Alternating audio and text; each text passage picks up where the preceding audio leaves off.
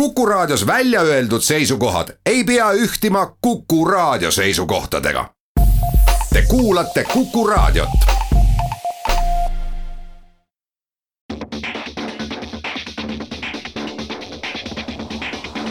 autotund. see on saade sulle, kui sul pole päris ükskõik, millise autoga sa sõidad. tere kuulajad, Autotund on taas eetris stuudios on Tarmo Tähepõld ja Martin Mets Geeniuse autoportaalist, sest et täna on meil endal piisavalt öelda, külalisi ei pidanud kutsuma. millest räägime? räägime ühest väga kasulikust kaardirakendusest. räägime sellest, kas äh, joobes juhtimise eest peaks äh, karistusi karmistama.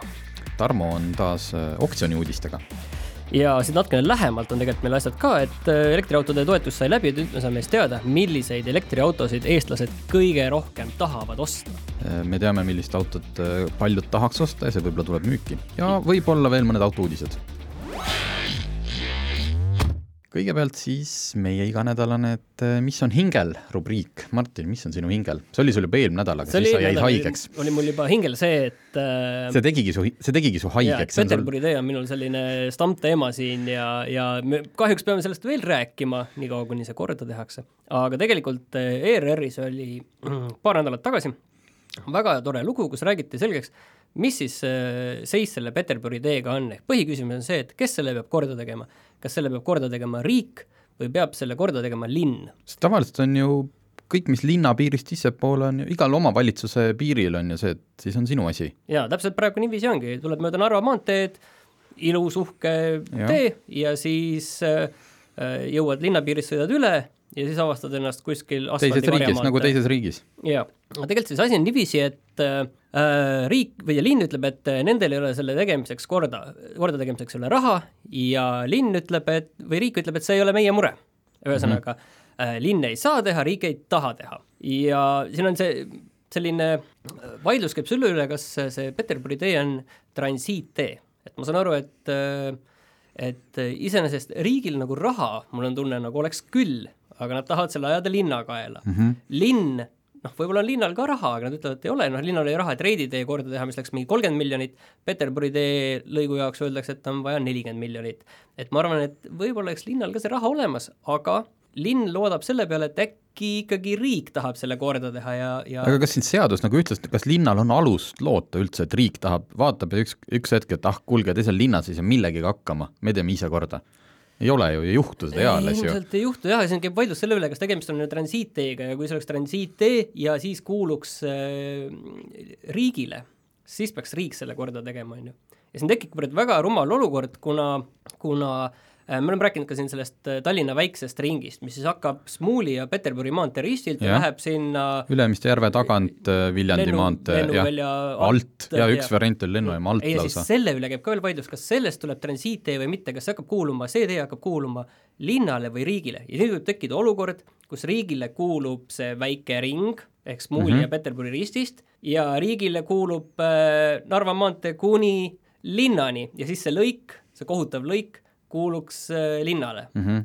ja minu meelest siin nagu on see olukord, kus nagu targem võiks järele anda ja selle asja korda teha. ja isegi mis targem, siin on ju nii linnas kui riigis on ju pukis on samad, samad tüübid praegult, et nad saaksid siit nii palju seda nii-öelda valimiseelset kuulsust koorida. tehke viiskümmend, viiskümmend, noh, see oleks võimalik nagu see yeah. probleem ära lahendada ja see on mitukümmend aastat juba lihtsalt natukene mõnda auku on vahepeal kuskil lapitud, et sest praegu on selline mulje küll, et sellest Peterburi maanteest mitte keegi ei hooli sellest teest, et siin Ekspressis oli paar nädalat tagasi lugu, kus sealt karjäärist veetakse välja seda mm -hmm. sodi kõik jah. kohad on täis äh, tolmu ja muda ja sõites seda teed väga tihti, võin kinnitada, nii ongi, et äh, märjaga on see täis muda, mis määrib autosid ja ja kuivaga on see täis tolmu, mis määrib autosid ja tee näeb kohutav välja. et äkki, äkki võiks ennast kokku võtta, selle asja korda teha? see on nagu see Tallinna päeval äh, vahepeal seda traditsiooni olnud, sest äh, all- ja Üla-Toompea olid äh, tülis, et kui iga Tallinna päeval siis seal on see tänav, mis läheb mööda treppi sinna Toompeale, väike jalg vist või kitsas jalg, ja see on värav ja siis peaminister avas ühelt poolt värava ja siis linnapea ja peaminister surusid kätt. Ja nüüd võiks samamoodi Kõlvart ja Ratas lihtsalt kuskil sümboolselt Peterburi tee ristil kokku saada, suruda kätt kummalgi on oma sümboolne rahakohver käes ja hakaku ehitama. nii, selle peale minul on, jälle ei ole endal, mu autoelu on nii igav viimasel ajal, mulle jälle jäi kõrva üks väga huvitav fakt ajaloost, mis on kaheldav, lugesin selle kohta päris palju, ei ole ühtset, aga puudutab ka avalikku sektorit, ühistransporti kas tead, eks sa oled näinud San Franciscos on need trammid, sellised ja, pigem, pigem turistikad. klassikaline vaatepilt. selline, see oli isegi neljakümnendate lõpus, viiekümnendate algus oli see kohtuprotsess, kus äh, üks National City Lines äh, transpordifirma äh, hakkas tooma hästi palju busse tänavatele ja sisuliselt paljudes Ameerika linnades hakati ära kaotama rööbastransporti. sellest, mis oleks, mis toimis juba siis elektriga, ökoloogilisem, eriti tänapäeval oluline, ühesõnaga sisuliselt noh, see saade, kust mina seda kuulsin, et öeldi, et ühistranspordisüsteem hävitati. no nii traagiline see ei olnud, aga huvitav oli selle juures see, et see National City Lines kuulus General Motorsile, Firestone'ile, ühele kütusefirmale, et sisuliselt see kohtuasi oligi selles, et suured sellised autotranspordiga seotud ettevõtted ostsid salaja või noh, seal kuidagi varjatult ühistranspordifirma, ja siis hakkasid selle varjus ühistranspordi suunama bussiliiklusele, et müüa enda busse, müüa enda rehve, müüa enda kütust. selline konspiratiivteooria, mida veel mitukümmend aastat käisid need kohtuprotsessid ja siiamaani kirjutatakse Ameerikas sellest uurimus- ja teadustöid. kas oli tegemist loomuliku arenguga, et äh, selline ratastransport pääses võimule või oli seal taga ikkagi kurjad korporatsioonid, kes lihtsalt hävitasid rööbastranspordi? Vähemalt meil on siin äh, kohalikus vaates ainult hea meel, et äh, meil on need asjad tasakaalus, Tallinnas vähemalt. meil ei ole selliseid suuri äh, korporatsioone, mis suudaks võib-olla osta ära terve ühistranspordivõrgu. nii, aga meil on siiski võimekus teha palju häid uurimustöid ja ühe sellise on valmis teinud koostöös Maanteeametiga Hendrikson ja Co ja nad on teinud kaardirakenduse, kus on hästi, see ei ole mingite niimoodi lihtsalt politsei andmete, vaid hästi põhjaliku uurimustööna, kus on kõige metslooma ohtlikumad kohad. seal võeti äh, konkreetne kaardirakendus näitab viie aasta registreeritud asju, aga seal taustaandmetena kasutati ka veel vist kümme aastat tagasi mingeid äh, andmeid ja näiteks selle järgi, noh loomulikult oleneb ju asi liiklustihedusest, aga seal Põlva kandis on üks teelõik, kus toimus äh, statistiliselt neli koma kolm loomaõnnetust maanteekilomeetri kohta Põlva-Reola maanteel. see on mitme aasta jooksul siis? See on nüüd, võtab arvesse viie aasta andmeid. noh, sellele järgneb Tallinn, Tartu, Võru, Luhamaa maantee. neli loom-, neli koma null loomaõnnetust maanteekilomeetri kohta. et ega me siin noh, raadioeetris seda visuaali näidata ei saa, minge ise, see aadress on hendrikson.ee, kaldkriips maps nagu maps ja kaldkriips loomaohtlikkus või trükkige Google'isse sisse märksõnad loomaohtlikkus ja Hendrikson. ja te saate oli, seda kaarti ise näha. mul endal oli suur äh, üllatus ausalt öeldes, kui ma vaatasin seda kaarti, et seesama Narva maantee, et tegelikult see Narva maantee linnalähedasem, esimesed linnalähedased kolmkümmend, nelikümmend kilomeetrit on palju loomaohtlikumad kui järgmised kolmkümmend, nelikümmend kilomeetrit, et ilmselt jah, liikumissagedus on kindlasti seal alguse poolel äh, kõrgem aga ikkagi see oli üllatav ja, ja mul tekib lihtsalt küsimus see, et äh, mille järgi huvitav tänapäeval neid, äh, neid looma põdramärke pannakse tee äärde et selles mõttes, et kas me võtame selles võtmes, et kuidas meil siin metsad äh, kasvavad ja kahanevad ja. siin harvesteride abidega vahepeal. ei, mets, mets on kogu aeg alles, kuidas sellest ei, aru ei saa? ma ei lähegi sinna minna, ma mõtlen lihtsalt seda, et need metsa need piirid ja need ja, metsa ja, olemus just. muutub, et kas noh, kui ma sõidan kas veel mööda Narva maanteed, siis ma näen, et seal on päris paljud suured platsid on tühjaks võetud, et kas tegelikult seal need kitsed ja need ja, ja põdrad ka enam elavad? väga huvitav küsimus jah, sest et need on ju pandud selle järgi, et kus on loomade käimisrajad, kus nad käivad, kas siis no, mingi veevõtukohtade need... juurde,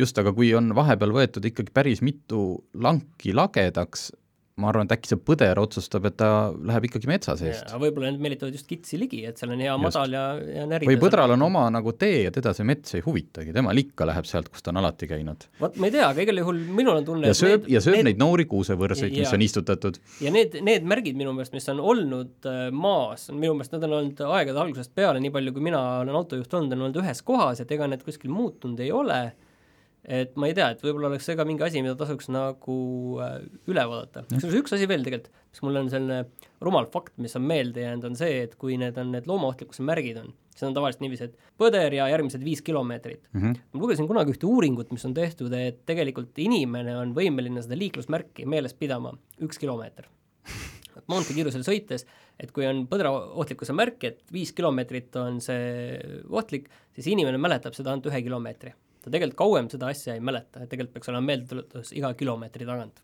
et kui seda asja tahta. No äkki tulevad nut-, nut-, nutiliiklusmärgid või siis see, et su auto hakkab sul ise ütlema mingi hetk, et kas sa ikka mäletasid, siin oli loomaohtlik koht.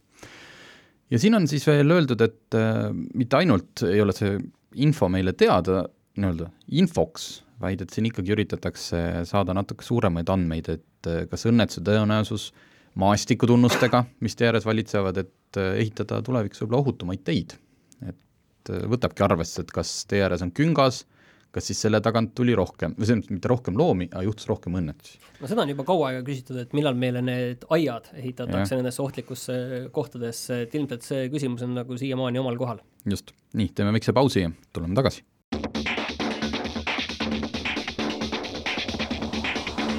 autotund see on saade sulle, kui sul pole päris ükskõik, millise autoga sa sõidad. autotund tagasi, nii äh,, elektriautode toetus, kõik taotlesid äh,, tohutu huvi oli äh,, taotleti palju rohkem, kui raha oli kas sa tead, tegelikult sa tead, aga teeme selle küsimuse vooru ära. milline oli kõige populaarsem elektriauto? kõik kuulajad mõtlevad ka praegult, viis sekundit. no ma arvan, selle kõige esimese oleksin ma ära arvanud, et see on ikkagi Nissan Leaf jah, Nissan Leaf siin, ma arvan, et see ei ole nagu eriti keeruline küsimus, aga ma arvan, et teine koht oli minu jaoks ikkagi tohutu üllatus äh,. Nissan Leafi, ühesõnaga see nüüd on see, et väga oluline märkida, see ei ole see, millele anti toetust, sest seda alles otsustatakse, need on need autod, mida, mida millele esitati küsiti, ja millele küsiti. kaheksakümmend viis Nissan Leafi, teine koht, Renault Zoe. seleta mulle nüüd lahti. nelikümmend seitse ma ei tea, selles mõttes ega kuna kaks kolmandikku olid ettevõtted, et võib-olla ja üks ettevõte sai taotleda kuni viieteist auto ostuks. et võib-olla seal oligi kaks ettevõtet, kes tahtsid oma autoparki näiteks viiteist Leafi või seda äh, Renault Zoe'it, aga võrreldes esimese põlvkonna Zoe'iga tegelikult on tegemist täiesti mõistliku linnaautoga, millel on väga suur sõiduulatus peaaegu kolmsada üheksakümmend viis vist. ja nagu aga ikka kas ta on hinnas muidu näitajatelt üsna Leafiga sarnane? ei, ta on, ta on odavam, odavam.. ta on odavam, ta on natuke väiksem, aga ta on, ta hakkab minu arust ikkagi alla kolmekümne tuhande. ja sa saad kolmekümne nelja tuhande eest vist saad juba täisversioonis kõik, noh, kõige nagu kangema Zoe, mis sa saad ja see võib olla kuskil kellelegi nagu väga äriliselt mõistlik otsus või sa arvad, et ikkagi need eratarbijad ei ole sellest nii palju huvi tundnud selle vastu? ei, mina, ma, ma kahtlustan jah, et eratarbijad on siin äh, küsinud äh, võib-olla teisi autosid. sest aga linna mina..., linnapildis ju Zoe'sid nagu ei eriti ei pane aga teda ei olnud väga pikalt, Leaf on olnud ju Eestis tänu sellele laadimisstandardile kogu aeg nagu ka pildis Zoe pärast seda, kui ta esimest korda tuli, siis äh, pole teda nagu siin Eestis promotud, teatakse, et seda ju ka ei saa laadida. kolmas koht, Hyundai Kona Electric kolmkümmend kuus autot ja siis äh, kuskil tagapool on ka Hyundai Ioniq Electric, mis on suhteliselt sarnased äh, nagu oma olemuse ja hinna poolest, kuusteist autot. siis äh, Volkswagen E-Up ja Škoda Citigo, mis on sama auto, põhimõtteliselt noh, lihtsalt erimärk on peale pandud, kakskümmend neli ja kakskümmend kolm autot ja siis Tesla Model kolm, ühe, üheksateist. ma tean, et siin on, on Tesla fanaatikud öelnud ise ka ühes avalikus foorumis välja, et tema esitas või nemad siis esitasid taotluse näiteks kümne auto peale. ja ma arvan, et siin on sees ka ikkagi eraisikud, kes lihtsalt tahavad oma Tesla Model kolme. siis tuleb Peugeot E kakssada kaheksa, seitseteist autot, siis on kaks tarbesõidukit, Renault Kangoo ja Nissan E NV kakssada, noh, need on konkreetselt, ma arvan, need ei ole eraisikute jaoks, vaid ja siis tuled ühe autoga, kõik on ühe autoga, on Audi e-tron, see on üks väikse sõiduulatusega e-tron on täitsa olemas, mis mahtus toetuse alla, BMW i3 Kiia e-Niro, Mini Cooper ja Volkswagen e-Golf, on kõik. vot, siit on puudu mitmed autod huvitavad Volkswagen ID3, mis tegelikult äh, mahuks igatepidi selle toetuse alla, aga ilmselt ei mahu ta selle ühe tingimuse alla, et see aasta peab olema see auto tarnitud omanikule kätte, et juba saaks noh, minna osta mm, -hmm. teha lepingu. nii, vot sellised aga mis te nagu sellest nagu üldiselt nagu arvate nüüd äh, ei tea, mis selles mõttes peaaegu kõik elektriautod, mida Eestis müüakse, on ilusti esindatud ja täpselt selliste proportsioonidega nagu loogiline ja mingit nagu üllatust minu jaoks siin äh, ei olnud, täiesti loogiline. nüüd on, lihtsalt tahaks teada jah, et äh, kellele siis antakse ja kui palju siis äh, see saan aru, saavad eraisikud ja kui palju firmad. seda antakse siis nagu selles sisestamise järjekorras, niikaua kuni kõik asjad vastavad, paberid, kõik vastavad nõudmistele ma olen aru on, saanud. on no loogiline oleks jah, kui seal ei ole just mingeid muid, et keegi näiteks ei kvalifitseeru ikkagi, kes tellis, ma ei tea, viisteist autot ja mingi dokument on puudu, siis, siis ei saa. nii, aga veel autouudiseid. ma tahan, see varsti peaks tegema eraldi kõlli, et Tarmo oksjoni uudised, sest mulle meeldivad oksjoni uudised, seekord kaks tükki, kiirelt räägin ära. kohe varsti tuleb müüki Princess Dianale kuulunud Audi kaheksakümmend kabriolett, aga see ei ole selline auto, noh nagu näiteks paavstile, et üks firma kingib talle, paavst korraks istub sisse, õnnistab ära ja siis müüakse heategevuseks maha. selle Audi kaheksakümnega, see on üheksakümne neljanda aasta oma, sõitis Diana põhimõtteliselt nagu igapäevaselt. ja see oli omal ajal autoportaal, kus ma seda uudist nägin, kirjutas, et see oli üks enim pildistatud autosid tänu sellele. ja, ja ta sõitis ise ja, ja Audi ütles, on hiljem tunnistanud, et põhimõtteliselt sellel perioodil nende kabriolettide müük kahekordistus tänu sellele. Prints Diana auto tuleb müüki, hästi selline, ta on noh, niisugune mõistlik auto, kahe koma kolme liitrine mootor, ei mingit nagu sportlikkust ega sellist äh, hästi noh, mitte mingi sport ja hüperauto. hinnatakse, et see oksjoni hind tuleb umbes selline nelikümmend, viiskümmend tuhat eurot. see on varem ka olnud müügis, see ei ole nüüd niimoodi tavaline hind siis? jah, et äh, kellel ikkagi ma eeldasin, et siin tuleb mingi miljon nüüd ei, ei vähemalt., ei, see on eelmine kord kaks tuhat kuusteist olid oksjonil, siis oli sarnane.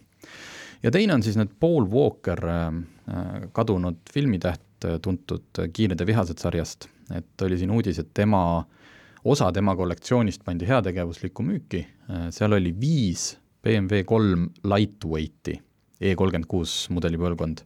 haruldased autod müüdi maha, igaüks, kõige kallim läks kolmesaja tuhandega dollariga, sest et sellel oli kõige väiksem läbisõit, teised seal umbes kahesajaga ja natuke peale. mis selle juures on, sain jälle ühest välismaa podcast'ist teada, nad seal arvutasid välja, et kui palju on Paul Walkeri nimi siis maksab sealjuures. ja see oli hinnanguliselt äh, pool sellest, et kui auto läks kolmesaja tuhandega, siis sada viiskümmend tuhat umbes on Paul Walkeri nimi. sest tegelikult need Ameerika turule toit-, toodetud M3-d olid palju lahjemad kui Euroopa omad ja suhteliselt noh, Ameerikas neid ei hinnata nii kõrgelt, sest need kohitseti ära. ja see lightweight ehk mingi kergversioon, et neid tehti jah vähe, sada kakskümmend kuus tükki, aga need ei anna nagu otseselt midagi juurde. nii et nende autode peamine väärtus oli ikkagi see, et äh, Paul Walkeri kollektsioonist. niimoodi, mis meil siin veel? noh, nii äh,, suvel saab Alfa Romeo sada kümme aastat vanaks, kakskümmend neli juuni, jaanipäev, ja selleks puhuks peab ju selline autofirma midagi välja tooma. ja nüüd on kaks varianti. üks kõlakas räägib, et nad toovad välja väiksemaid linnamaastureid, oo õud, sellest on vist tükk aega on nende üle siin spekuleeritud. jaa, tegelikult äh, täna tuli ka uudis selle kohta, Porsche eelmise aasta müügitulemused avalikustas. kakssada kaheksakümmend tuhat Porsche't müüdi eelmine aasta kogu maailmas, millest äh, üheksakümmend üheksa tuhat olid Macan, noh sisuliselt sada tuhat olid Macanid üheksakümmend kaks tuhat olid Cayenne'id. et kui nüüd Alfa Romeo suudaks teha selliseid linnamaastureid nagu Porsche ja kõik, noh, et neid päriselt ostetakse, siis oleks väga hea. Aga teine variant on, et nad toovad välja jaanipäeval lihtsalt Giulia Quadrifoglio veel võimsama versiooni, mis toob tagasi legendaarse tähise GTA. Mida see GTA seal tähendab, ma arvan, et see tähendab Grand Theft Auto, aga see, see ei tähenda Grand Theft Autot ja kahjuks äh, sellise Alfa Romeo fännina ma hetkel, ma ei hakka seda välja guugeldama, ma lugesin, see oli seal kirjas, aga vabandust, Gran Turismo Achievemento ei ole.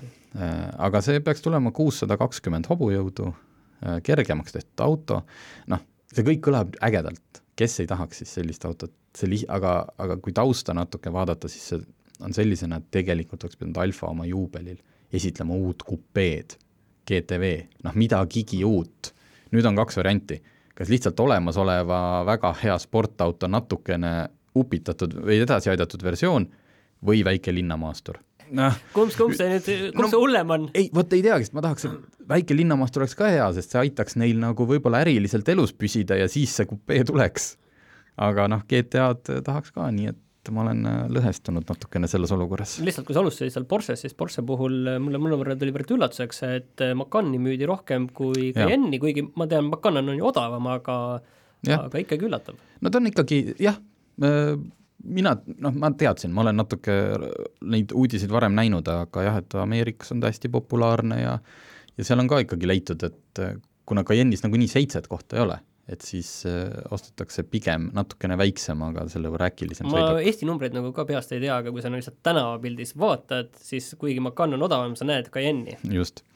nii, ja lõppu hästi kiirelt veel, et äh, jõudis Eestisse veel üks sportlik auto, Toyota Corolla GR Sport. see nüüd ärge lootke, see ei ole nüüd nagu eelmine nädal rääkisime Yaris, Yaris GR, sellest super nelikveolisest tänavarallikast. Corolla GR Sport on lihtsalt natukene äh, ägedama välimusega, teda saab ka saja kaheksakümne nelja hobujõulisena ja kuna viimane Corolla on tegelikult päris heade sõiduomadustega, siis nüüd saab selline mõist-, või inimene, kes tahab omale mõistlikku natukene ängsamat äh, tänavasõidukit, mis siiski võtab väga vähe kütust, siis äh, Toyotal on teile nüüd lahendus, seda saab nii luukpära kui universaalkerega.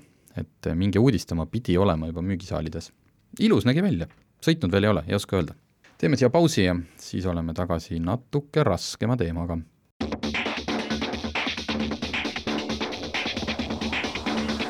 autotund. see on saade sulle, kui sul pole päris ükskõik, millise autoga sa sõidad. autotund tagasi, karistused, karistused, trahvid ja kõik sellega seonduv. No kõik on alguse saanud ikkagi sellest, sellest koledast Saaremaa õnnetusest, kus kolm inimest enda elu jättis ja pärast seda on tekkinud nii poliitikutel kui tegelikult ilmselt ka natukene ühiskonnas laiemalt jah, selline tunne, et peaks nüüd peaks, nüüd peaks midagi tegema. peaks tõstma karistusi, on ju, karmistama. Et see, sellised asjad on ju, käivad nagu lainetena, et alati, kui midagi juhtub, midagi sellist, siis on tunne, et peaks midagi tegema. Just, noh, et äh, me peame tegema, eks ju, on ennetavad kampaaniad ja kõik see, aga, aga ilmselgelt sellist karmidusõnnetust näitavad, peaks midagi veel tegema. siis on saatnud Raivo Aeg, kes on meil äh, justiitsminister, Taavi Aasale, Vabariigi Valitsuse liikluskomisjoni esimehele, äh, sellise pikema dokumendi, mis läheb liikluskomisjonile arutamiseks. seal on välja toodud, mida on varem tehtud ja mida võiks edasi teha. Et kaks tuhat seitseteist oli viimane aasta, kui tehti ulatuslikud muudatused karistusseaduslikus. seal pikendati oluliselt surmaga või raske tervisekahjustusega lõppenud liiklusõnnetuse karistust. vaata, see on tegelikult see asi, millest, millest tegelikult kõik need karistused praegu juba tegelikult on päris karmid, aga võib-olla, võib-olla nagu asi on see, millele tasub nagu tähelepanu juhtida, on see, et tegelikult seal neid, neid, see karmi, see ülemine mm -hmm. ots on tegelikult päris kõrgel, aga, aga pigem nagu rakendatakse seda alumist otsa seal just, et äh, praeguse seaduse järgi on kolm kuni kaksteist aastat vangistust tegelikult. enne kahe tuhande seitsmendat, seitsmeteistkümnendat oli see kuni viis aastat vangi, vangistust, välja arvatud juhul, kui kaks või enam hukkunut oli. kaks tuhat seitseteist ka veel see, et äh, kui raske liiklusõnnetuse põhjustasid joobes juht, siis seda ei tohtinud täies mahus tingimisi vabastada. igal juhul sa pidid mingi aja ära istuma ja igal juhul pidi jätma, et noh, ilma juhtimisõigusest, mis on nagu suhteliselt loogiline no,. nüüd on idee selliste surmaga lõppenud äh, joobes äh, liiklusõnnetuste puhul äh, põhjustatud, on see idee, et see võrdsustada tapmisega, mis tegelikult aastates ei olegi väga suur vahe, et tapmise eest on viisteist aastat ja, ja nagu sa just ütlesid, kaksteist kuni kaksteist aastat on alates aastast kaks tuhat seitseteist, nii et see vahe tegelikult seal ülemises otsas ei olegi eriti, eriti suur tegelikult täna.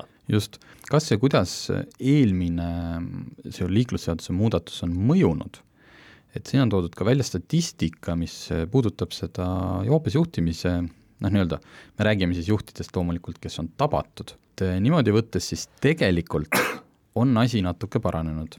see protsendid, noh, ma ei hakka neid ette lugema, aga üldiselt trend on olnud sellist, et noh, ühesõnaga nagu siin dokumendis öeldakse, et ei saa öelda, et eelmised seadusemuudatused ei oleks mõjunud või noh, mit-, asi ei ole ilmselt mitte ainult seadusemuudatustes, vaid üldiselt võib-olla ühiskond on natukene normaliseerunud selles osas, et just jällegi, Saaremaa õnnetus on noh, väga karm, samas siinne statistika näitab, et me ei ole kuidagi nagu mingil langusteel. aga noh, alati saab paremini, sest et kui meil hukkub ikkagi iga aasta ma ei tea, ligi viisteist inimest ainult joobes juhtide tagajärjel, siis on see ikkagi palju. no siin on käidud välja ka selliseid ideid, et et joobes juhtimisel, kui esimest korda tabatakse, siis sellele järgneks kohe reaalne mm, vangistus et seda mingil määral tehakse, aga täna vist saab panna sellist, mis on viieteistpäevane või kolmekümnepäevane šokivangistus põhimõtteliselt, et seda tehakse ka äh,, aga ikkagi ilmselt ka suhteliselt harva, see oleneb kõik nendest, see on ikkagi siis, kui veel ületad kiirust ja ikka joove on ikka selline korralik, on ju, et see, see on ka, aga noh, kujutad ette, kui oleks lihtsalt selline olukord, kus, kus iga kord joobes tabatud juht pannakse siis näiteks, nagu siin vahepeal on nõutud, et vähemalt aastaks reaalselt vangi et ma just täna hommikul vaatasin BNS-i uudiseid, äh, seal üks esimesi teateid on see, palju politsei on eelmisel päeval tabanud liiklusest joobes juhte, et esmaspäeva hommikul oli see number kakskümmend kolm, on ju, et kas me paneme lihtsalt kakskümmend kolm inimest reaalselt vangi, kuigi, kuigi no ega see, mida nad teevad, see ei ole ju tore, on ju. aga seal ei olnud öeldud, et ma, ma eeldan, et need, need ideed oleks ikkagi raskes joobes, et, et neid vaeseid jääknähtudega vendi ei pandaks kohe trellide taha no,. ma ei tea, palju neid kahekümne kolmest, kas ei olnud välja toodud, eks ju? ei olnud ilmselt eraldi vist välja toodud jah, et igal juhul noh, see on nagu mõtlemise koht, et äkki saaks seda asja kuidagi, kuidagi teistmoodi lahendada. et kindel, kindel on nagu see, et liikluses üldiselt see olukord on läinud palju-palju paremaks, et sellist asja, et et noh, kuidas me sõnastame niiviisi, et ma arvan, et mingi aeg tagasi oli see veel, kus oli täiesti normaalne, et sellised sõnastame nii, täiesti normaalsed inimesed võtsid paar õlut ja siis sõitsid koju, on ju, et sellist asja nagu, nagu enam ei ole. et meil on praegu probleem täpselt nendega, kes on ikkagi see, ilmselt see Saaremaa näide on väga hea, et meil on pigem probleem selliste inimestega, kes, kes lihtsalt ei suuda endale aru anda. Ja siin on võetud üles ka seda teemat, et tegelikult oleks äkki mõistlik karistada karmistusi karmistada karistusi politsei eest ärasõidu eest, mis mulle tundub nagu see väga, kindel, väga see... mõistlik asi, sest tegelikult nagu seesamas sellest Saaremaa loost tuli välja, see, see tegelane seal oli korra politsei eest ära sõitnud, ilmselt kõik viitas sellele, nagu ja. tal ka sõber kõrvalt ütles, et äh, nad olid kõik joobes mm -hmm. ja selle eest karistused on selles mõttes ikkagi naeruväärsed. et minu meelest äh, see asi, kui sa sõidad politsei eest ära, seal peab tulema mingi korralik liitkaritsus, mitte selle eest, mitte et politsei sõidab, lõpuks leiab su üles ja ütleb, et oi-oi, seekord sõitsid eest ära, küll on kole lugu. et see, seal peaks, sellisele asjale peaksid järgnema ikka oluliselt korralikumad karistused. et me, nagu me tegelikult vaata liikluspildis näeme niivõrd palju, jälle neid politsei videosid, kus keegi kas proovib eest ära sõita ja mõnel juhul see õnnestubki. et see, see on nagu asi, et inimesed peaksid teadma, et see ei lõppe hästi. Et... nad ei võida sellega mitte midagi, et see peaks olema kohe algusest peale selge. sest praegult on jäänud mingi foon õhku, et kui sul õnnestubki eest ära sõita, aeg-ajalt mõnel üksikul on see õnnestunud, et siis, siis ongi, et siis ei saa sind süüdistada joobes juhtimises üldse, et võib-olla ei saadagi teada, kes seal roolis oli. jaa, sa ütled pärast, et oi, ma olin siin kõrvalistmel või äh, et ma ei teagi, keegi võttis mu auto, et ma ei tea midagi, et kuidagi võimalikult palju seda vastutust on ju enda pealt äh, ära ja. lükata. et selline asi ei tohiks tegelikult olla võimalik muuseas, sa rääkisid sellest, et äh, sõber tal ka seal ütles, et nad seal kõik purjus peaga sõidavad ja on koos autos, siis kaks tuhat seitseteist oli eelnõust jäi tegelikult välja niisugune asi, et väärteovastutus kriminaalses joobes sõidukijuhi juhitavas sõidukis teadva kaasasõitmise eest. et kui on, minnakse kambakesi täispeaga sõitma, et siis oleks saanud karistada ka need, kes autos on. vot see on hea põhimõtteline küsimus, kus mina pigem kaldun, et kaldun, et äh, sinnapoole, et et need inimesed, kes seal kaasas on, neid on nagu mul on tunne, et see on nagu juriidiliselt raske on neid vastutusele võtta, kuigi ma arvan, et emotsionaalselt jah, kindlasti võiks, aga pigem mul on tunne, et seda on nagu raske teha. sest seal oli rõhutatud seda teadva kaasasõitmisest, seal on nii lihtne öelda, et ma, ma olin tagaistmel, magasin, ma ei saanud midagi aru. jah, täpselt ja, ja, ja peale selle lihtsalt, et kokkuvõttes et seda vastutuse jagamist, et see on keeruline teha, et kui noh, põhimõtteliselt kui see on võimalik, siis, siis jah, et teised teaksid ka, et et ütleme, et vähemalt on kolm-neli inimest, ütleme, on autos, siis kõik teavad, et nemad kõik saavad selle asja eest pähe, et võib-olla lihtsam on nagu seisma jääda ja, ja saab karistuse ainult see, kes seda autot reaalselt juhtis, mitte need kolm sõpra ka, kes seal ja, on. näiteks seesama siis... juhus, kus sa proovid politsei eest ära sõita, et sellisel juhul nagu võiks küll mõelda, et just, et mõnel on seal võib-olla mingi tingimisi karistus all ja ta ütleb, et kuule, et pane nüüd minema, sest et kui mind pärast siit kätte saadakse, siis ma saan kolm aastat reaalset ja vaata, et see nüüd seisma ei jää nii et see, aga võib-olla täpselt nende argumentidega ta äkki siis välja jäigi eelmisest äh, ma kardan ka, et seal on, juriidiliselt ei ole seda väga lihtne ja. nagu äh, tegelikult seaduseks vormida. nii, teeme pausi ja siis vaatame, mis selles dokumendis veel kirjas oli.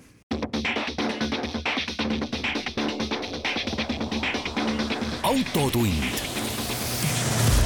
see on saade sulle, kui sul pole päris ükskõik, millise autoga sa sõidad nii, Autotund on tagasi, me vaatame ühte dokumenti, mille saatis justiitsminister liikluskomisjonile, kus on ettepanekud, kuidas võidelda jo-, roolijoodikutega, õigemini, mis muudatusi seadusesse võiks viia. üks asi, et kui me siin rääkisime ennem nendest saririkkujatest, kelle tegelikult, nagu me teame, noh, karistused on ka praegult juba karmid, see ei huvitagi, siis selles üheksas ettepanekus on välja toodud ka ikkagi äh, noh, kas nüüd äh, preventatiivne või igal juhul see, et äh, näiteks elektroonilise valve seadmed alkoholi tarvitamise keelu kontrollimiseks, ehk siis alkolukk on üks asi. aga ma mõtlen seda, et äh, tegelikult lihtsalt, et sul on see kohtulikult saab määrata inimestele alkoholi tarbimise keelu ja, ja ütleme niiviisi, et kui ühendada see näiteks jalavõruga ja kui jalavõru liigub kiiremini kui üheksakümmend kilomeetrit tunnis või, või ma ei tea, kuidas, kuidas seda saaks, okei okay,, üheksakümmend on üks asi, aga teine asi on see, et äh, see jalavõru hakkab liiga kiiresti sõitma. see on, noh, alkolukk oleks ikka kohustuslik alkolukk, et kui sa paned selle inimese autole selle, see on üks variant lihtsalt, eks ju. loomulikult see alkolukk on asi, millest saab ikkagi nii, mul on tunne, et saab ikkagi kõrvale hiilida jah, aga see on, ilmselt see on ka asi, mis ei noh, maksa nii palju või et noh, ikka saab alati kõrvale hiilida, ta võib osta kohe omale kuskilt mingi viiesaja eurose rondi ja sõita sellega edasi aga, aga midagi ta aitaks, et sul on vähemalt see hetk, kui sa oled ennast täis joonud ja arvad, et ma lähen, sõidan nüüd kõrvalkülla veel ühe viina järgi, et noh, siis su auto näiteks ei lähe käima ja võib-olla sa jääd sinna pigem äh, tukkuma, sest et see kõik on nii pagana tüütu. Äh, noh, loomulikult on siin ka need, kogu see ravivõimaluste asi, et ärme sellesse praegult, et noh, see on täiesti selline eraldi teema, et kuidas need inimesed tegelikult äh, alkoholismist terveks ravida. või see, et neil ei kaoks mõistus ära, kui nad rooli istuvad muidugi punktisüsteem, sellest on ka palju räägitud, ma ei tea, kas see, sest noh, minu arust meil nagu praegult sisuliselt ju on punktisüsteem, pean tunnistama, minul on üks äh, kiiru-, üks õnnetu kiiruse ületamise all, ül-, kiiruse ületamine hetkel all. Ja minul on see noh, sisuliselt on mul punkt kirjas see tähendab seda, et kui ma uuesti järgmine rikkumine järgmine rikkumine, ma võin lubadest ilma jääda ja mul oma ametikohal autoajakirjanik suhteliselt tüütu oleks ametist ilma. just, et suhteliselt tüütu oleks olla ja ma, ma nagu võtangi seda kui punktisüsteemi, et iga korraga, kui ma vahele jään, mul tegelikult karistus suureneb. nii, aga vaata, me oleme nagu olukorras väga hästi praegu selles, et eh, on inimesed, kelle jaoks eh, karistus või trahv toimib ja nad saavad aru, et ei, ma ei saa samamoodi edasi käituda ja on need inimesed, kes ei saa aru ja samamoodi mul on tunne, et ega see punktisüsteem nendele, kes ei saa aru, ega see ei muuda midagi. jah, seda küll, et see, neil on, neil on nagunii trahvid all ja tihti neil ei olegi lube, sest need ongi neilt juba ära võetud. nii et kui sul on, saad oma, ma ei tea, kaksteist punkti täis ja sult load ära võetakse, no sorry, sellel mehel on juba ammu load ära võetud, kuskil neljanda punkti juures. üks teema, sõiduki konfiskeerimise võimaluste laiendamine, sest et äh, sõidukeid võib ka praegult konfiskeerida eelmisel aastal, vaata siin on, et väärteomenetluse seadustik võimaldab küll sõiduki konfiskeerimist, kuid ei näe ette vara arestimist. ühesõnaga, sellest ma nüüd ei saa aru, näeb korduvalt joobes juhtimise väärteo toime pannud isikult saab sõiduki ära võtta A, alles väärteoasja otsuse tegemisel, aga mitte menetluse käigus. ma saan aru, et tuleks laiendada niimoodi, et kohe mm. -hmm. üks tõstetakse roolist kongi ja auto viiakse Ostajaidesse. platsile ostajaidesse müüki eelmisel aastal konfiskeeriti sada kuuskümmend kaks sõidukit. ma ei tea, see on päris, päris suur arv. ei, sada kuuskümmend kaheksa joobes juhtidelt kriminaalmenetluse käigus? no teistpidi võttes see on suhteliselt väike arv, arvestades seda, kui ma ütlesin sellesama numbri äh, siin enne, et täna hommikul äh, saadi kätte kakskümmend kolm juhti ja noh, kui ma vaatan BNS-i uudiseid iga päev, siis ma näen, et see on iga päev on äh, vähemalt kahekohaline number et see teeb aastas kokku ikka pigem seitse tuhat seitse tuhat kuni kümme tuhat autot, mida võiks arestida, ma saan aru, et mingist, mingilt maalt see ei ole nagu jälle mõistlik, kui me kõikidelt inimestelt võtame autod ära, kes võib-olla null koma kolmega või null, alates null koma kahest on, on ju Eestis, et kellel on tõesti seal mingi jääknäht, et võib-olla tõesti siis ei peaks. aga seda hetke, kus kohast autot võib konfiskeerida, seda, seda madalamale tuua, seda astet, võib-olla tasuks mõelda. jah, et kui ma nüüd seda tabeli lugemisega ei eksi, siis äh, eelmisel aastal neid raskemas joobes juhte tabati äkki neli tuhat nelisada. arvestades seda, et siis auto konfis-, konfiskeeriti ikkagi päris vähestel. saja kuuekümne kaheksal, et noh, ilmselt jah, need neli tuhat nelisadat ei ole korduval, vaid es-, esmakordselt vahele jäänud. aga igal juhul vähemalt näitab see sada kuuskümmend kaheksa seda, et igal roolijoodikul, kes on rohkem äh, tongis, on reaalne oht oma kalliksest ilma jääda et see number selles mõttes võiks jah, suurem olla.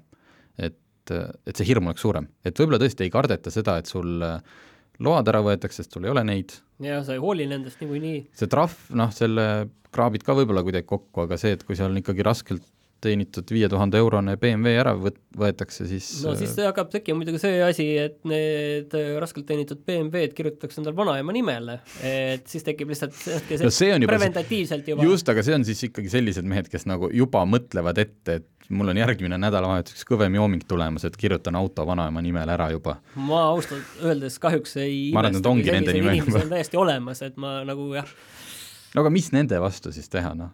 Kas me, siis olekski juba selline ühiskond, et me igaüks võib-olla teame mõnda sellist, et siis äh, saadamegi nagu otse juba politseisse teate, kuulge, kas te teate, et niisugune vend elab selles, selles külas? ei no see on minu meelest üks parimaid asju, on ikkagi see, ongi täpselt see, et ega need inimesed on teada ja see äh, kohalik politseinik käib äh, reede õhtul teinekord nende poolt läbi ja vaatab võtab võtmed ära ei noh, seda ilmselt kahjuks ei, ei ole vist alust äkki, aga, aga lihtsalt see, et, et see politseinik tuletab enda olemasolu meelde, et isegi seal ongi see probleem, et kui see tüüp läheb sõitma, siis ta ei näe seda politseinikku, aga kui see politseinik korra käib sul teinekord ikka läbi, noh, iga reede muidugi ei jõua, aga aeg-ajalt käib läbi, et kas või äh, reedel kell kuus, enne kui pole veel kuskile küla vahele jõudnud, käib läbi, ütleb tere, et kuidas läheb ja et äh, mis õhtuks plaanid on ja nii, kuidas lapsed elavad või lihtsalt küsib paar sõna, ajab juttu ja, ja siis noh, sellel inimesel on meeles, et ahah, need inimesed teavad mind, hoiavad mind meeles ja, ja nad on olemas. ja vot ma ei ole nii hästi kursis selle äh, abipolitseinike süsteemiga, et igale abipolitseinikule sa ei saa muidugi anda politseivärvides Škodat või mis autodega nad tänapäeval sõidavad, aga et kas abipolitseinik võib käia sealt ukse tagant ukse taha ja saab neile öelda, noh ilmselt ta võib, aga võib, kaaskodanikuna ta võib. kaaskodanikku aga... võib, aga kas ta mingi hetk võib ka sekkuda, sekkuda võib ka abipolitseinik, aga teha ise, et see, et see töö anda nagu suunata natuke välja, et seal see on ka jälle ohtlik, natukene ohtlik kohalikud tunnevad ju kõiki, et sa ei taha seal on pigem see, et neetud naabrimees, ma lähen talle Brett külla siin, et seda võimu hakatakse natukene kurjasti võib-olla ära kasutama, et see peaks olema ikkagi selline äh, õigesti tehtud. nii et üks asi kindlasti jah, nende küla, külarallikate vastu aitaks see, et kui lihtsalt oleks teada, et see politsei mitte, et aa, ta on täna õhtul, ma nägin, et ta ütles, et ta läheb sinna, ma ei tea, teise, üldse kõrvalkülla, et meil on siin täna õhk puhas. ja üks asi, mis siia lõppu veel äh, samast teemast oli, juhtimisõiguse peatamise ja tervisekontrolli süsteem, see tähendab, et joobes juht tuleb kohe juhtimiselt kõrvaldada, loogiline, juhtimisõigus peatada ning ennem ei tohi taastada, kui juht on läbinud tervisekontrolli ja kui ravisüsteem on selleks loa andnud. see on nüüd jälle selline, noh, see on ettepanek, see ilmselt on ka seal nii palju küsimusi, et kuidas seda öelda ja kes ütleb, et kas see inimene on nüüd alkohoolik, kas ta üldse on võimeline niimoodi ennast kontrollima, aga see on üks osa sellest, et inimesi saata rehabilitatsioonile, et mitte ainult tegeleda sellega, et ta sõits purjus peaga, vaid tegeleda sellega, et äkki vältida seda, et ta ennast üldse purju joob vot see, ma ei ole kursis olnud sellega, et siin on olnud Eestis neid äh, juhtumeid viimasel ajal, kus on päris mitmed prominentsemad inimesed on siin äh, on siin vahele jäänud ja siis on selgunud, et nad on saadetud ka koolitustele, et äh, et mis nendest koolitustest reaalselt ka kasu on olnud, et kas need kuidagi on inimeste käitumist muutnud, on ju, tahaks loota, et jah, on ju, aga täpselt ei tea. et see on alati, ma arvan, et seal on lihtsalt vaja niivõrd palju individuaalset lähenemist nende inimestega, et, et need asjad toimiksid.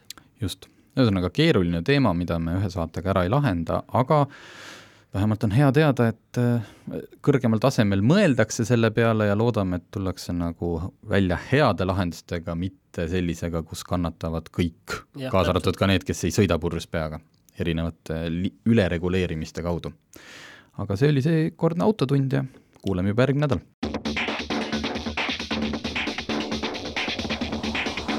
autotund see on saade sulle, kui sul pole päris ükskõik, millise autoga sa sõidad